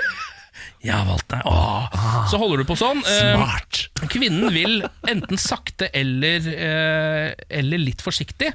eh, Eller veldig fort, det er litt avhengig av kvinnen. Så vil kvinnen evakuere lokalet. Eh, Og det kan du egentlig bare la skje. Eh, Altså Når du har gjort dette her, så kan du bare sitte der, eh, drikke opp whiskyen din, ta det helt med ro. For kvinnen kommer eh, på et eller annet tidspunkt til å gå fra deg. Det er ikke sikkert at hun gjør det med en gang, fordi hun syns det er litt rart og kleint å gjøre. Men sannsynligvis så går hun kanskje unnskylder seg, går på toalettet, får en venninne eh, til å ringe henne og si at det er en krisesituasjon, f.eks. Men tillater du spørsmål fra salen? Kan jeg stille et spørsmål? ja. ja. Fordi er det sånn at Hvis den ikke da går og på en måte tenker sånn Ja, stakkars, han vil gi en sjanse, han prøver bare å liksom, si hyggelige ting. Mm. Er det da man skal bare på en måte si sånn ekle ord, bare sånn i sånn sex? Ja, ja, Sånn, veldig, for, for det, jeg tenker det, det hadde funket på meg, da. ja eh, enten så Sex gjør og man det, knulle eller hadde funket. Ja, hvis Hvilken ikke å si setninger engang, bare sånne ekle ord. Ja. Pung. Ja, man Altså, kan godt bare kjøre på med ekle ord, så lenge du har etablert det i starten ved rene komplimenter. Ok, Eh, ja. så, for, så, man bare, så ikke personen tenker at du har Tourettes eller noe. Nei. For det kan Ja, du også sånn, komme unna med. Ja. Mm. Det er sympati, sympati ja. Ja, sympati. Mm. Sympatiligg, eh, Tourettes-ligg, det er ganske vanlig ligg. Og dette er possing. Dette er possing! Det motsatte av nagging. Negging, ja. Negging. ja. Ja. Så det var dagens, uh, dagens leksjon. Nå begynner vi å bli ganske gode i å frastøtte her, føler jeg. Fordi for- Foreløpig så har du da stirre intenst og lenge før du går bort og sier hei. Ja, det er 30-minuttersregelen. Det skal alltid ta 30 minutter minst fra du ser en kvinne til du går bort og tar kontakt med henne. Ja. Og i den perioden skal du stirre intenst. Helst og flakke litt med blikket. Og så skal du gå bort og si sånn Fy faen, du er deilig. Hvis du gjør Jeg det, vil ha deg. Hvis du gjør det, så tror jeg du kommer til å være alene lenge. Eh, Og da er jo frastøtning komplett, og jeg en rik person fordi det var jeg som satte i gang dette prosjektet. Da ønsker vi alle der ute som ønsker å frastøtte, lykke til. Ja, Eh, professor Ken Vasenes Nilsen, tusen takk for eh, leksjonen. ja det, var, det var bare hyggelig, det. altså. Morgen på Radio 1. Riktig god onsdag. Eh, ukens beste dag. Ja, lille lørdag. Lille lørdag. Lille lørdag? Ja, ja. Eh, Jeg kan fortelle at Norge har nye OL-planer. Veldig spennende. Telemark har ikke gitt opp OL-planene. Tidligere i vinter så fikk Tinn og Notodden nei fra idrettsstyret om planene om et vinter-OL i Telemark i 2026. Men telemarkingene de gir seg ikke uten kamp. For eh, med det nye fylket Vestfold-Telemark har entusiastene, OL-entusiastene fått ny inspirasjon. For eh, fra og med 2020 skal jo da Telemark og Vestfold slås sammen, og det skal også idrettskretsene. Så nå vil Telemark samarbeide med Vestfold om en eh, OL-landsby. Eh, og da ser de for seg deltakerlandsbyen på Oslofjord Convention Center i Stokke i Vestfold. Vet dere hva det er for noe? Ja, ja, ja. Ja, Det er altså et konferanseanlegg som eies av Smiths venner. Er det det, ja? Ja. Ja. Eh, og det har de, altså, de foreslår da å gjøre om dette anlegget til en mulig deltakerlandsby i eh, et vinter-OL i 2030. Så de ser fremover nå. Ja, altså, eh, eh, Var det ikke dette OL Når det ble lansert, så sa alle politikerne Dette er det dummeste vi har hørt. Dette er fullstendig fantasi. Nei, dette forslaget her, mener du? Ja, det forrige, da, med Ja. Telemark. Men det kan hende det har blitt litt bedre med Vestfold. Men jeg, jeg tror liksom fra å være fullstendig utopi, fantasi, det dummeste politikerne Ja. har hørt, så tror jeg ikke det er Smiths Venner sitt senter i Vestfold som kommer til å Som gjøre redder det. dette prosjektet. Nei, det tror jeg faktisk ikke det er. Men altså, Telemark er jo på en måte skivugga. eh, Så det, på et eller annet tidspunkt må det jo arrangeres OL i Telemark. Det føles liksom veldig Ja. riktig. Ja, vi Og så har de jo lyst til å få med seg Buskerud og Oslo også, da. Ja. eh, I disse planene. Så her er det flere fylker som skal delta.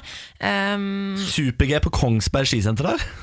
hvorfor ikke? Men jeg syns det er litt merkelig det der at, eh, at OL alltid skal være i én by, mens alle andre større arrangementer, sånn fotball-VM og sånn, er jo i et land. Ja. Så liksom man kan fordele det utover hele landet. Kan man ikke bare gi det til Tromsø, da? Så dere ikke de fantastiske bildene de hadde når de hadde den søknaden? At ikke den søknaden gikk gjennom, kommer jeg aldri til å forstå. Det hadde vært verdens flotteste OL. Ja, det kan jeg tro. Virkelig verdens flotteste Det er ganske pittoresk i Telemark òg, er det ikke? Ah, jo, Jo, da, men det er fint, jeg det. mener jo at OL må komme tilbake til Oslo. Skal OL leve, eh, så må vi det tilbake først og fremst til et, eh, et litt mer vestlig land, om jeg får lov til å si det. Mm. Men også tenk Norge, da.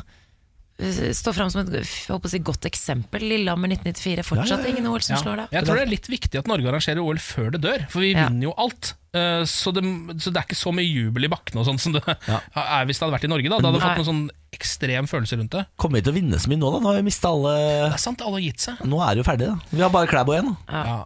Hadde OL kommet til Oslo i 2022, så tror jeg det er flere som hadde fortsatt. Ganske sikker Ja, ja, det tror nok Vi jeg. kan ikke ha det i Oslo, jeg. Det blir for mye folk. Jeg bor i Oslo, jeg orker ikke. Nei, det hadde vært liker ikke folk. folkefest. Liker ikke folk, du. Nei, jeg liker ikke. Eh, Morgen på Radio 1, eh, Aviser deg Norge, er jo en spalte vi har hvor vi eh, dykker ned i en lokalavis eh, i uka. Og hver dag eh, plinger innom og trekker ut en sak for å se om vi kan lære hva som skjer rundt omkring i landet. Ja. Eh, Nå er vi i Hamarøy, Tysfjord og Steigen i Nordland, fordi det er Nordsalten som er ukas eh, lokalavis. Vi har vært innom saker som at de har fått pol på Steigen. Det er riktignok to år siden, men de fleste av sakene nyhet for oss. Ja, det er nyhet for oss, og de fleste av disse sakene er litt gamle, for Nordsalten har ikke oppdatert på en stund. Nei. Jeg begynner faktisk å ane eh, at avisen muligens er nedlagt. Men da hadde vi kanskje skrevet en sak om det, eller? Ja, det har de ikke gjort. De har ikke gjort det. Nei, Så det er mulig at de har tenkt sånn vi må åpne for å kanskje kunne skrive noe på et eller annet tidspunkt. Jeg vet hva som har skjedd. De har mista passordet til nettsiden sin. og den glemt passordknappen funker ikke. Ah, kanskje de har glemt passord! det er et. Administrativt problem. Ja, det er kanskje administrativt, rett og slett. Ja. Eh, vi har også hørt saken Hildur slutte på arbeidsstua, eh, og fått lære ordet sponhelvete, som vi fortsatt ikke vet helt hva betyr, men det høres ikke bra ut. Ikke bra. I dag er det dette overskriften. Nerdenes høytid. Rikard Vasseng, 21 fra Oppeid i Hamarøy, er for første gang på The Gathering i Vikingskipet. Yes. Ja, har du vært der, Niklas? Om jeg har vært på The Gathering. Hver ja påske treffes 5200 datafrelste ungdommer i Vikingskipet. Jeg er glad jeg fikk billett, sier Richard, vel vitende om at det står tusenvis på venteliste hvert år. Arrangøren hevder at de enkelte år kunne solgt det dobbelte antall billetter. Yes. Richard tok buss til Skutvik, båt til Bodø Båt til Bodø og fly til Gardermoen. Det er måten å komme seg da fra Shit, og så tog opp til Hamar der? Ja, Det står ikke om hvordan han kom seg til Hamar, det burde, men det var nok tog. For det går, et, det går et tog til Hamar. Det er nok det han har tatt. Hittil har jeg ikke sett noen kjente hjemmefra. Han er den eneste superstjernen på The Gathering. Det er litt Altså, jeg vet, Det er sikkert litt ålreit å komme seg bort hjemmefra og slippe å se de kjente trynene. Men hvis du kommer fra Skutvik Det er ikke så mange fra Skutvik på The Gathering. Det kan jeg love Det er ingen, det er bare han. Richard han har ikke sett et eneste fjes hjemmefra hittil. Det, er mulig, altså, det kan Men Står sånn. det om at han har fått seg noen venner eller noe, blir kjent med nye folk? det, eller? det står at han eh, kjenner en del folk via internett, som han da endelig får møte ansikt til ansikt. Det er han ganske glad for. Herlig. Så han, eh, han, skal ikke, han blir ikke alene, Richard, men eh, han har ikke sett noen kjente hjemmefra ennå. Men han kosa seg sikkert, for hvor gammel er denne saken, da? Ja, den her er også et par, par år gammel. Et par år gammel, da. altså, for en nydelig nettavis. Jeg elsker denne avisen. ja, fordi Det kunne jo kommet opp en sak om at det var, han var der på Gathering At det var noen andre som hadde vært på The Ja, Gathering òg, men ja. foreløpig er han den eneste fra Oppeid i Hamarøy som har vært på The Gathering, tror jeg, da. Kanskje var det noen fra Hamarøy der i år. Det kan jo hende. Hvis dette var fra liksom, i fjor. ja, Det stemmer nok. Jeg skulle faktisk kanskje være konferansier på The Gathering i år. Hvorfor? Dessverre hadde jeg eh, allerede lagt planer. Ja, for det er en drøm jeg har. Altså, og så fikk jeg mailen 'Hei, vil du være konferansier for The Gathering?' Ja! Yes! Og så bare Nei, faen i helvete, det er jo påske hele påsken! Hva vil du si er The Gatherings fornemste egenskaper? Lukten. Jeg skulle, du, det var det jeg hadde lyst til å spørre deg. Men jeg turte ikke. Ja, nei, Hvordan lukter- er lukten der? Det lukter der? interessant der, for det varer fem dager. Det lukter interessant der etter sånn tre dager. Da begynner det å dra seg til. Er det mye urge og Det er mye Urge og snus og toffis. Man sover jo eh, off, oppe i liksom de har nå, Etter hvert har de laget sånn sovetelt ute, men når jeg var der, da sover man oppe i tribunene på liksom betongen. Og det er altså så høy musikk døgnet rundt at du, du Så du holder det gående til du på en måte kollapser. Og da får du sove uansett. Det er veldig, alltid veldig mye interessant utvalg av drikke eh, på Meget, The Gathering. Jeg ser at Richard eksempel, på bildet her i Nordsalten-avisa, han har med seg ku sjokomelk, eh, to, tre av de på pulten, og én burn. Ja, jeg, hadde, jeg husker jeg hadde vært i Sverige og kjøpt inn tre brett Cola og ett brett Red Bull til fem dager i eh, The Gathering. Da er det The Gathering! Ja, var det The Gathering, ass. Uff, nei, det var, det var livet, det greiene der. Alle må dra på The Gathering som har mulighet til det. Som er unge nok. eh, som Er jeg ung nok? 37? Nei, på ingen, ja, eller det kan du som arrangerer, vil nok si at du er det, men jeg vil si det er du ikke, Ken. La de unge dra på The Gathering. Ja, det skipet har reist. Ja, Det ligger opp ned og oppe i Hamar der. Morgen på Radio 1. Hverdager fra seks.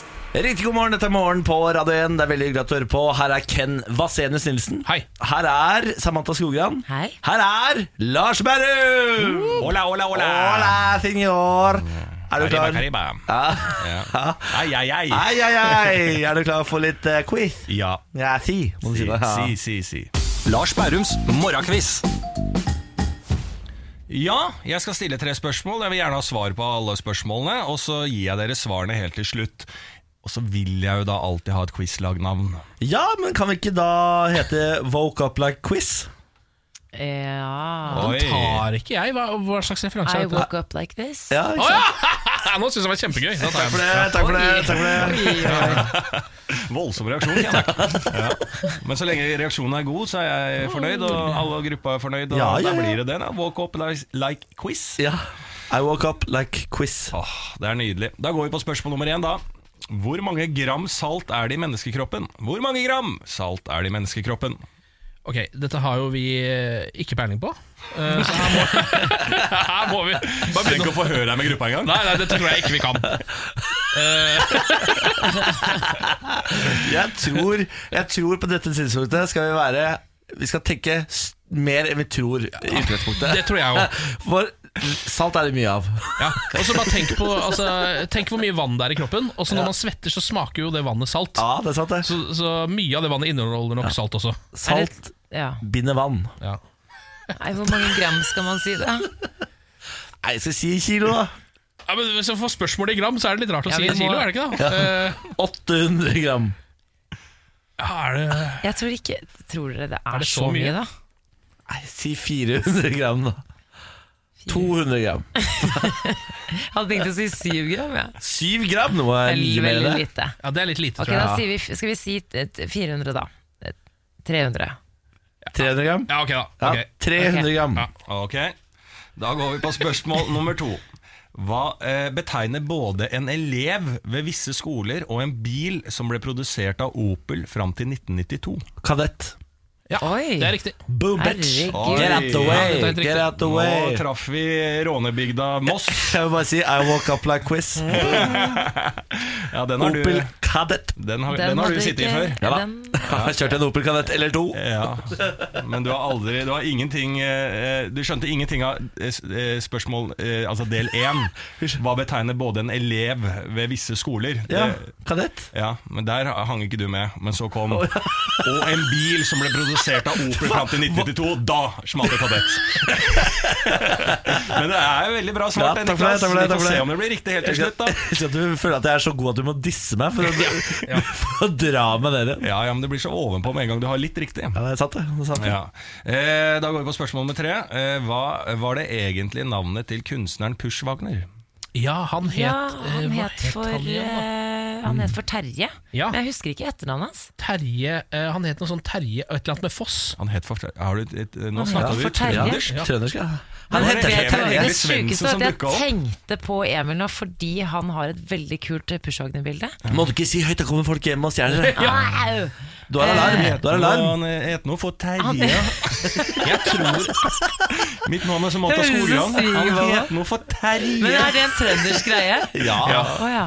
Jeg tror han heter for uh, Terje Er det Brofoss? Terje Brofoss? Ja, det kan vi Det kan si. godt vi s- sier Det det. er noe sånt noe. Så da er det hva Hege eh, Han het for Hva var det egentlig Brofoss. for navnet? det var Terje. Hva, hva sier dere? Jeg tror vi går for Terje Brofoss. Jeg. Ja. Ja. Ja. Da får vi alle svarene. Ja takk. Hvor mange gram salt er det i menneskekroppen? Ja, Vi svarte vel 300? 300. 300 gram. Svaret er 200 til 300 gram! Veldig, veldig bra. Vi fikk jekka ned eh, et kilo fra Niklas ned til 200 eh, til 300 gram, som Ja. er riktig. Spørsmål nummer to. Niklas' hjemmebane hva betegner både en elev ved visse skoler og en bil som ble produsert av Opel fram til 1992. Jeg heter før Kadett, ja. Det heter før Kadett, og det er riktig. Yay! Det er to riktige av ja, to ja. Kan det bli tre, da?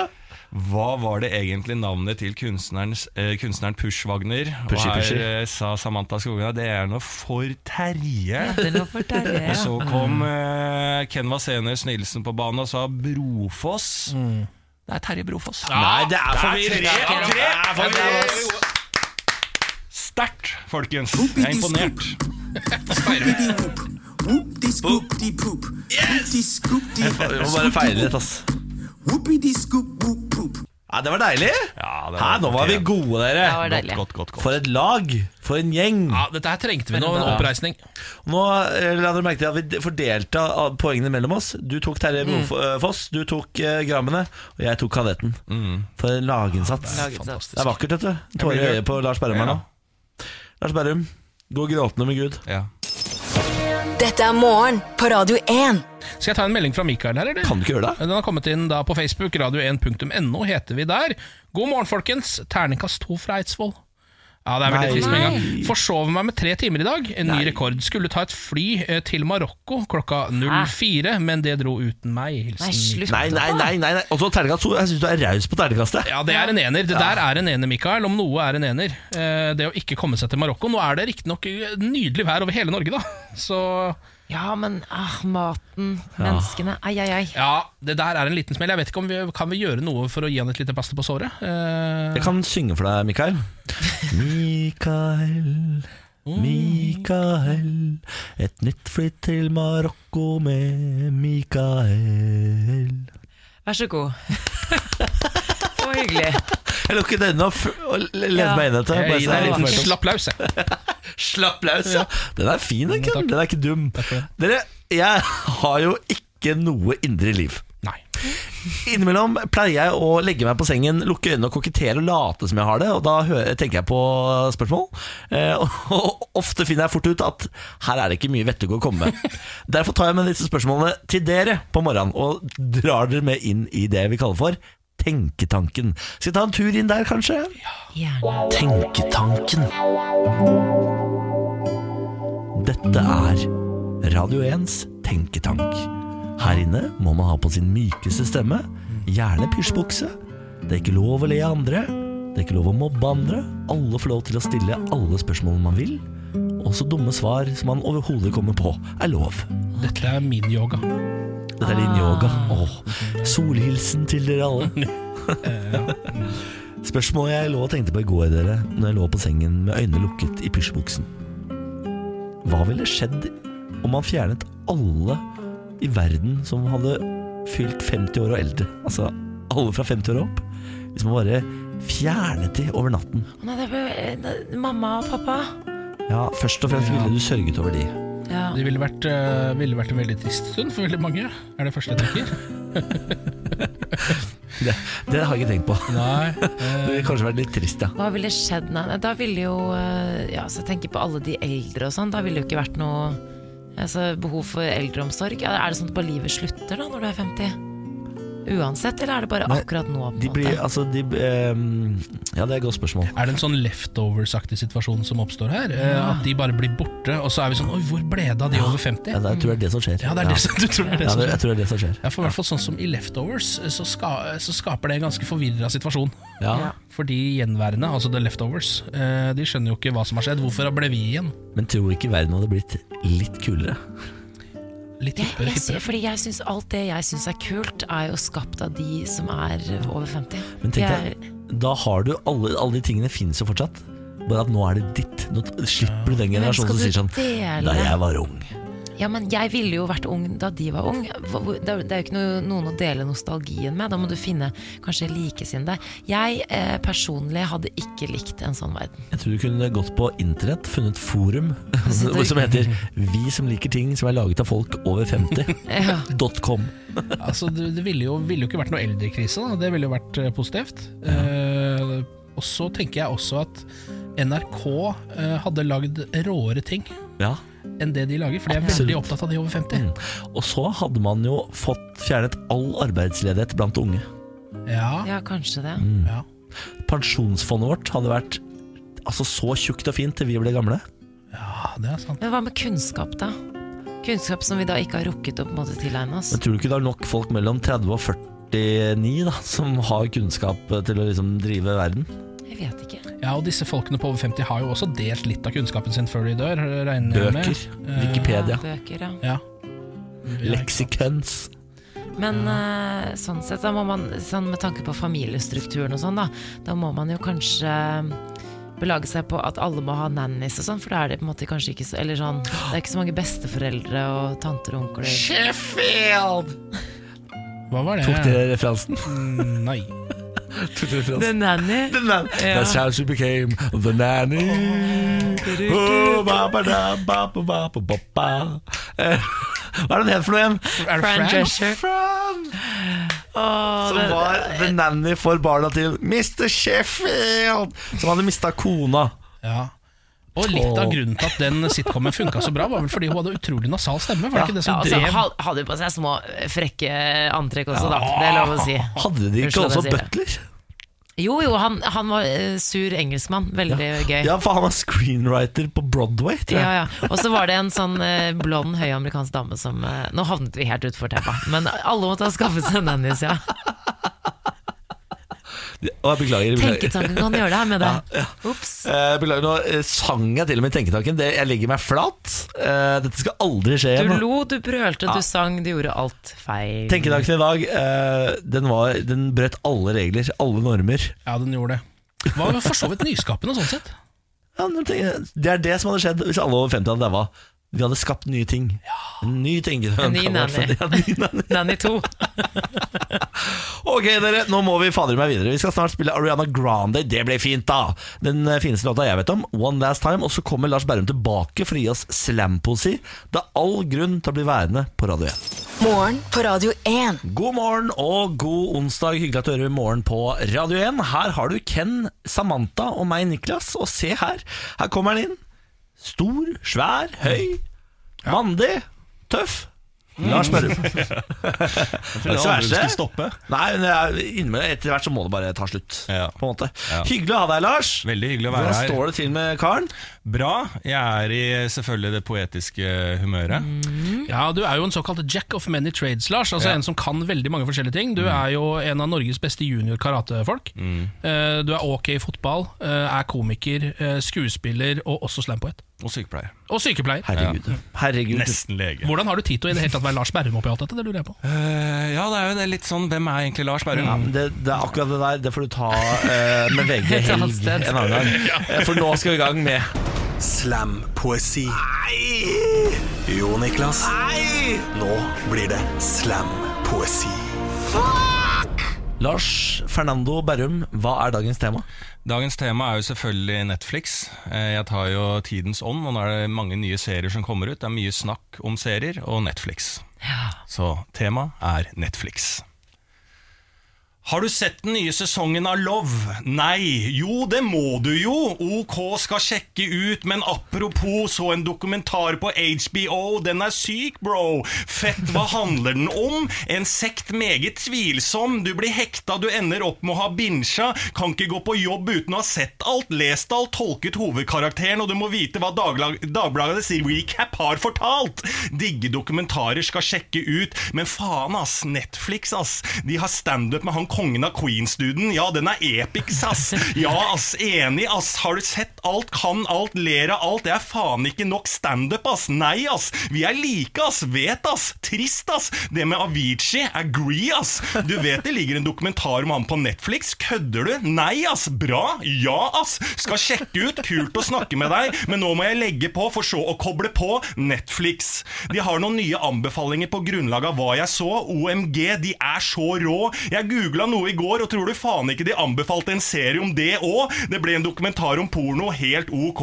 Jesus, too much info. Nå legger jeg på. Ok, men husk å koble på! Sjekk ut den dokumentaren! Og hvis du ikke liker den, ring meg! Jeg har andre ting å foreslå!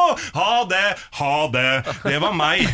Det var meg. Og da var det meg og deg, da. Netflix. Jeg må gå på do, men du skal faen meg bli med på badet. Jeg må se alt, vite alt. Kunnskap om serier har blitt min sosiale makt. Asbjørn Slettemark. Det å være opplyst om Navarsete overgår ikke det å ha koll på samtlige seriehelter. Politikk for meg er House of Cards. Jeg har Friends, og familien min er moderne. Livet mitt er jorda, Netflix er min evige retning, min stjerne. Lenge siden jeg har vært ute, alle inntrykk fått gjennom min TV-rute. Foreldrene mine sier jeg må komme meg ut, litt strenge. Jeg vil la meg fenge av Netflix. Slapp av, jeg er en family guy. Skummelt det som skjer i Riverdale. Jeg er master of none, en defiant one. Nå ble jeg sulten. Chef's Table, han er argentineren, ass. The show must go on! Bojack Horseman, Jessica Jones, Black Mirror, nevnte jeg Master of None? Det klikker for meg, det er så mye bra! Eller som han sier i den serien, So much going down! Hvilken dag er det i dag? Jeg føler jeg blir gal. Mad Men! Den må jeg se, eller skal jeg starte med The Crown? Var det i dag jeg skulle møte mamma? How I Met Your Mother? Lenge siden jeg har sett. Nei, jeg tror jeg blir hjemme i dag, rett og slett. Litt typisk, men kan gjøres utypisk. Atypical. Få bort dårlig samvittighet med Mindhunter. Finne på 13 reasons why jeg ikke kan dra til mamma. Slapp av, jeg er ikke en som har tatt livet av. Everything sucks to the bone. Jeg har blitt hekta. Faen, jeg skulle begynt på The Crown. PS. Mens jeg har dere her, hører dere på podkast? Hørt at det er nokså kult. Litt smale felt, mye å prate om sosialt. Umiddelbart effekt av å virke smart. Jeg var en fyr som hang på pub og spilte dart. Er du klar over hva slike ting har gjort med meg? Jeg har blitt en kul fyr, en som deg. Jeg mener i kommentarfelt, er på IMDb, bonder over serier, meninger, skriver i capslock 'Jeg liker deg', Instastorier om nyslipp og sladder. Folk digger meg. Takk, Netflix, for at du gjorde meg til meg. Men igjen, jeg er jævlig interessert i det podkastgreiene, altså. Ja da, ja da, ja da. For en samfunnskommentar! Ja. Ikke sant? Ja, altså, det sier så mye om alt det der. Det er så vakkert, Lars. Ja. Du har fanget meg i slampoesiens uh, vugge. Ja. Ja, Det er jo uten tvil en vugge som er lagd for alle. Ja. Alle samfunnslag får plass i den. En moderne måte å ta brodden. Har du vurdert å gå over i noe som er nesten enda mer kredda enn slampoesi, nemlig kronikk? For Der tror jeg også du kunne hatt noe å melde. Ja, jeg burde gjøre det. altså Ikke sett griller i huet på. Ikke sett griller Hvor er det jeg sender en ny kronikk? Send det til meg, så skal jeg. Lars Berrum, det er en glede som alltid. Vi snakkes igjen. Ja, vi gjør det. Gå med Gud. Ja. Morgen på Radio 1. Hverdager fra sex. Så dere hva Justin Bieber posta på Instagram i går? Yes. Nei.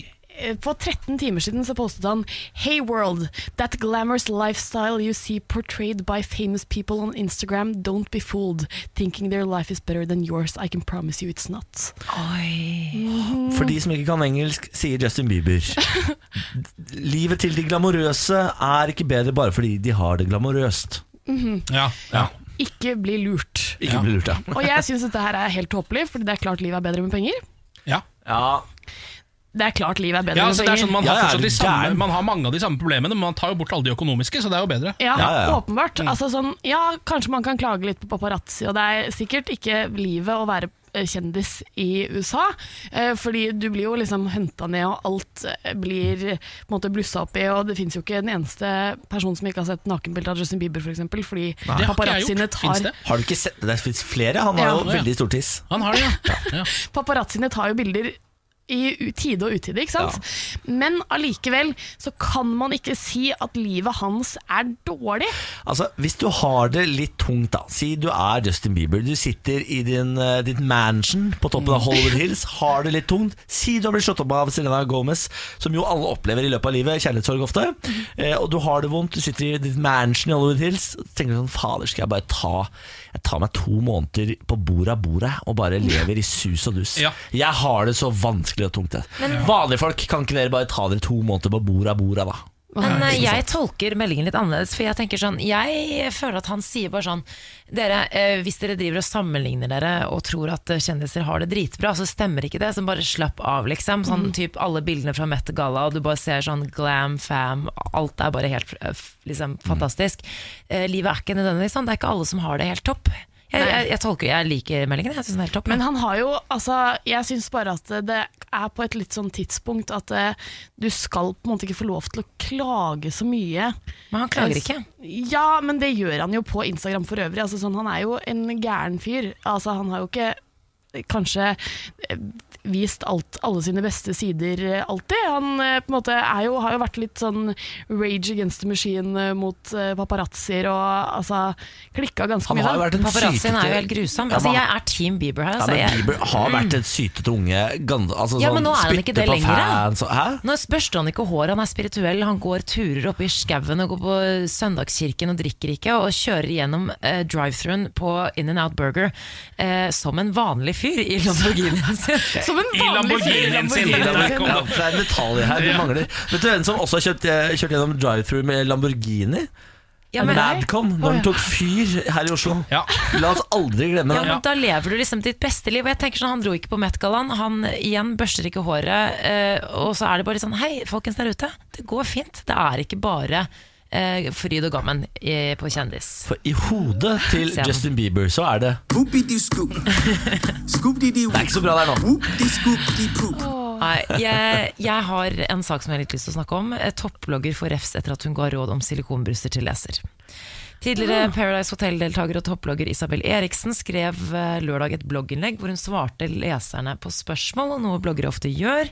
Et av spørsmålene lyder som følger. Er det mulig å ta silikon når puppene er under utvikling?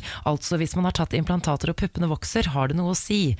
Hvorpå bloggeren svarer følgende. Ja, det er fullt mulig, det er ikke farlig. Det kan godt hende mine egne pupper har vokst etter at jeg tok silikon, men det er ikke noe problem.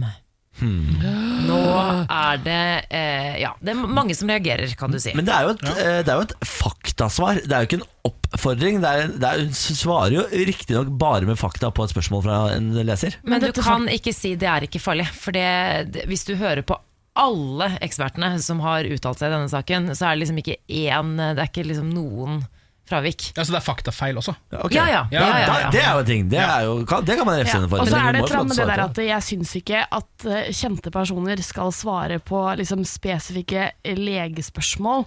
Eh, som du kan, hvis du er så interessert i å få i silikon, så må du gå til fastlegen din og si sånn Er det farlig?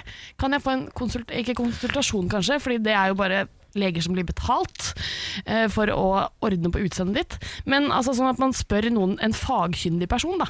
Mm. Ja, og jeg er ikke en du- Paradise Hotel-deltaker. Det er jeg helt enig i, men det var jo hun eh, Ja. da, Stakkars Edda som uh, tar sine legeråd fra Isabel Eriksen. Det er jo, da, hun må jo klandres for det. Ja, ikke Isabel Eriksen. Nei, og hun er sikkert på en, det er en 13 år gammel jente som spør på en måte Som spør om hun kan ta silikon innen hun er 16 på en måte Det er jo det er greit nok Men uh, kan ikke bloggere bare ta bitte litt ansvar Og ikke svare på sånne ting Ja, for det er det jeg også mener at uh, hun, Isabel som blogger, burde tenke sånn Vet du hva, jeg har en average, altså leseren min er rundt 16 år alle sammen. Eh, jeg velger å ikke svare på sånne type spørsmål som jeg ikke er fagkyndig til å Men det svare på. er jo det hun lever Ja. Problemet her er jo at de forbildene som folk har valgt seg, er jo ikke smarte, oppegående, eh, samfunnsbevisste mennesker. Eh, og da blir det jo sånn. Det kan man, jeg skjønner ikke helt hva man kan gjøre med det. Nei, det er det som er problemet. Det er akkurat det som er problemet. Velg dere bedre forbilder, Ja. da, for helvete. Her er et godt forbilde. Morgen på Radio 1. Hverdager fra sex. Det var det. Ja. Nå tar vi eh, fri, eller? Ja, I gjør vi hvert fall i en dag. Vi gjør det. I morgen, vi har jo, I morgen er det høydepunkt der, så det kommer ikke en ny podkast. Det er sant, det. Vær obs. Mandag kommer en ny podcast Nei, og fredag kommer en ny podkast. Da er vi tilbake. Da er det en ny sending. Ja, ja, ja, ja. Så fram til fredag, bon voyage. Bon Nyt fridagen. voyage. Nyt. Adios. Hvem er det igjen? Nyt Insta-Heidi er det. Insta-Heidi. Det er Instaheidi, det vet jo alle. Takk for nå. Ha det.